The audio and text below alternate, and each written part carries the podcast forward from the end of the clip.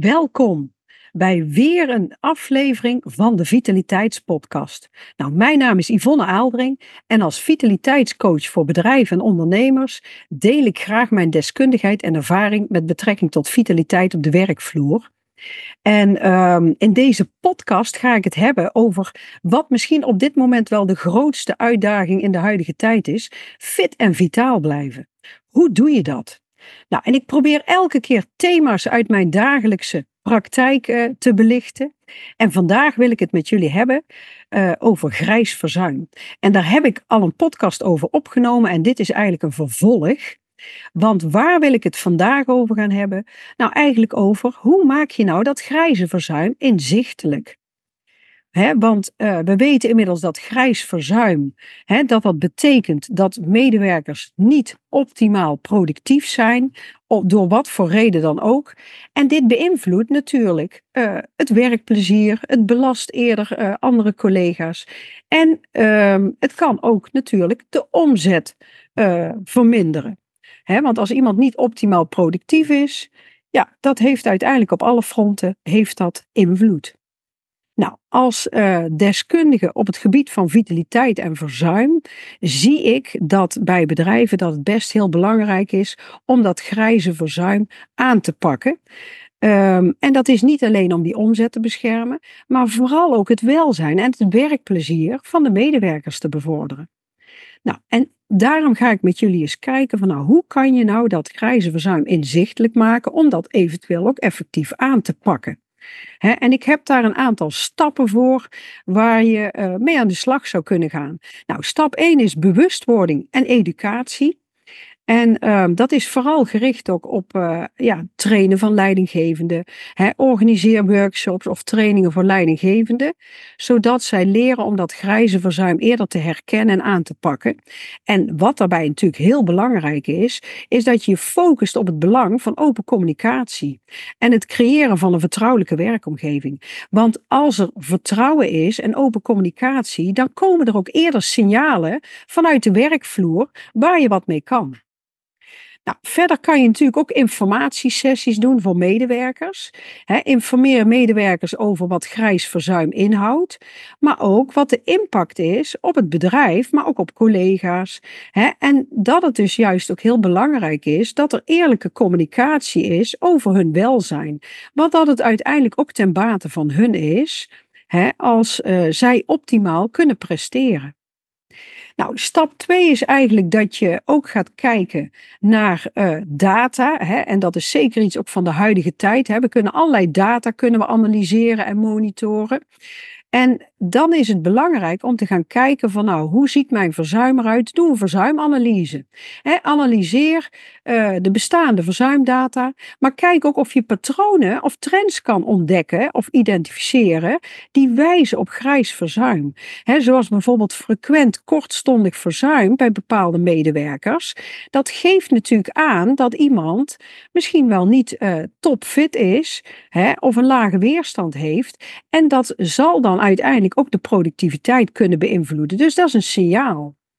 Nou, um, verder is het belangrijk om bijvoorbeeld ook te kijken van, hè, kan ik misschien anonieme enquêtes inzetten of feedback tools, hè, waar medewerkers hun uh, welzijn of werkgerelateerde uitdagingen kunnen rapporteren.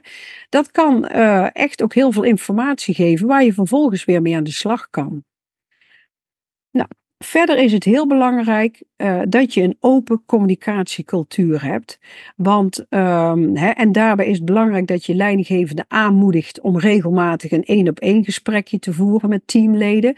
Maar dat kan natuurlijk ook uh, tussen de bedrijven door, hè, bij de koffiemachine even vragen hoe het met iemand gaat.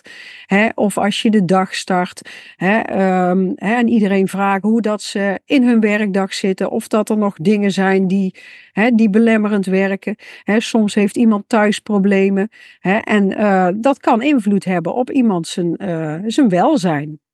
Nou, en ook de werkdruk is natuurlijk heel belangrijk. En als je regelmatig met je als leidinggevende met je personeel dit soort dingen aan bod laat komen, dan heb je ook veel beter in de gaten waar dingen spelen en waar eventueel winst te behalen valt.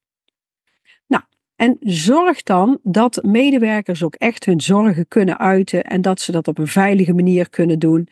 dat er vertrouwen is, open communicatie, dat ze weten dat ze niet meteen hun kop eraf gehakt wordt of uh, dat ze dat het consequenties heeft als ze signalen uitzenden. Dat is natuurlijk heel belangrijk. dat je daar heel opbouwend mee aan de slag gaat. Nou, verder kan je natuurlijk ook preventieve maatregelen en interventies inzetten. Hè. Denk aan uh, vitaliteitsprogramma's, wellnessprogramma's. Ik werk daar zelf ook mee. Vitaliteit, workshops. Um, hè, en, maar, en allerlei workshops die te maken hebben met eh, ja, eigenlijk de fysieke en mentale gezondheid van medewerkers. Waardoor ze inzichten krijgen, maar ook praktische tips en tools waar ze mee aan de slag kunnen. Ja, en dat, kunnen over, dat kan over allerlei thema's gaan, wat invloed heeft op iemand zijn. Uh, ja, eigenlijk zijn vitaliteit. Dat kan zijn voeding, bewegen, stress, ontspanning, uh, slapen. Uh, dat is eigenlijk heel breed. Daarnaast is het ook belangrijk dat je altijd heel goed kijkt van wat voor um, flexibele werkregelingen kan ik treffen voor mensen, zodat ze een betere uh, ondersteuning hebben van een werk-privébalans. En door de COVID zijn we natuurlijk al enorm gegroeid in het uh, hybride werken, hè, thuiswerkopties, maar ook bijvoorbeeld flexibele werkuren. Dat kan uh, soms voor een medewerker kan dat heel veel ondersteuning bieden en heel veel rust hè, naast een gezin en als uiteindelijk iemand daardoor toch productiever is, ja, dan, uh, dan levert dat alleen maar wat op. Nou, daarnaast is het ook heel belangrijk dat je een duidelijk verzuimbeleid hebt. Hè, zorg voor heldere hè, en, en, en goede communicatie over um, ja, wat je doet met verzuim. Hè, maar ook krijg je daardoor eerder zicht op grijs verzuim en ook belangrijk dat er een procedure is voor het melden van afwezigheid of ziekmelding. Nou, uh, maar ook de vervolgstappen die je doet als iemand zich afmeldt en hoe dat je contact houdt met die medewerker. Ik heb daar ook een andere podcast over opgenomen. Uh, zeker aan te raden om die ook eens te luisteren. Hè, van wat mag je wel vragen bij een ziekmelding en uh, wat niet. Hè, zodat leidinggevenden daarvan ook op de hoogte zijn en hoe houd je contact met je zieke medewerker? zodat het ook heel laagdrempelig is voor iemand om weer terug te keren. Hele belangrijke uh, dingen om mee aan de slag te gaan. nou, en dit zijn natuurlijk allemaal dingen die je ook ja, continu kan verbeteren. Hè. Het is belangrijk om regelmatig te evalueren. Kijk wat je inzet. Evalueer daarvan ook de effectiviteit. Hè, en uh, pas eventueel de interventies aan die je toepast. Hè, en kijk wat het medewerkers brengt als je dingen inzet. maar houd in ieder geval uh, de dialoog met uh, je medewerkers over welzijn en werkplezier. Hè, zodat mensen ook echt openstaan om dingen te delen, om te communiceren hè, en om feedback te geven. Want um, ja, dat geeft uiteindelijk geeft dat ook groei. Nou, nog een paar aantal dingen die eigenlijk heel belangrijk zijn, is vooral de persoonlijke aanpak. Hè. Erken dat elke medewerker gewoon uniek is. Het is ook heel vaak maatwerk. Het vraagt soms ook echt een persoonlijke benadering. Hè. Wat voor de een geldt, geldt voor de ander niet. En soms kan je met, met kleine persoonlijke aanpassingen kan je zorgen dat iemand toch optimaal kan functioneren. Hè. Ik had uh, vorige week een medewerker en die heeft aangepaste diensten gekregen vanwege zijn gezondheid. En daardoor draait hij uh, veel beter en kan hij gewoon zijn werk goed doen. En dat is dan een aanpassing die je doet als bedrijf, maar uiteindelijk zorg je ervoor dat iemand daardoor gewoon ja, goed kan functioneren. Als ze dat niet hadden gedaan, was die misschien wel in het verzuim gekomen. En ja, dan schiet je de plank mis. Nou, verder is het belangrijk om je uh, leidinggevende te trainen. Hè, dat ze empathisch zijn, ondersteunend, uh, communicatief, uh, een open oor hebben. Het gesprek met hun medewerkers aangaan. Ja, en transparantie is vaak ook heel belangrijk. Hè. Wees transparant over de redenen achter en het belang hè, van het aanpakken van verzuim, grijs verzuim. Hè, dat het ten bate is van eigenlijk alle partijen.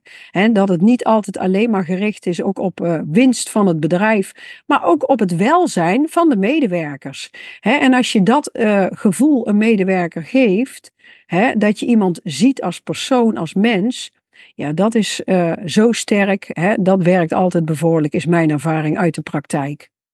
Nou, en door hiermee aan de slag te gaan, kan een bedrijf uh, ja, niet alleen grijs verzuim inzichtelijk maken, maar ook een werkomgeving creëren ja, die het welzijn van medewerkers meer centraal stelt. en dat leidt uiteindelijk tot een hogere productiviteit, meer betrokkenheid en gewoon ook algemeen werkplezier. en daar gaat het om. Nou, ik hoop dat deze aflevering weer wat inzichten heeft gegeven of wat tips waar je in de praktijk mee aan de slag gaat. Mocht je het interessant vinden, uh, deel ook gerust mijn afdelingen met, met afleveringen met anderen. Uh, uh, abonneer je op mijn podcast of YouTube kanaal. En als je meer over mij wil weten, kijk ook gerust een keer op mijn website www.ivofit.nl. En ehm, dan wil ik je graag bedanken voor het luisteren en tot een uh, volgende keer.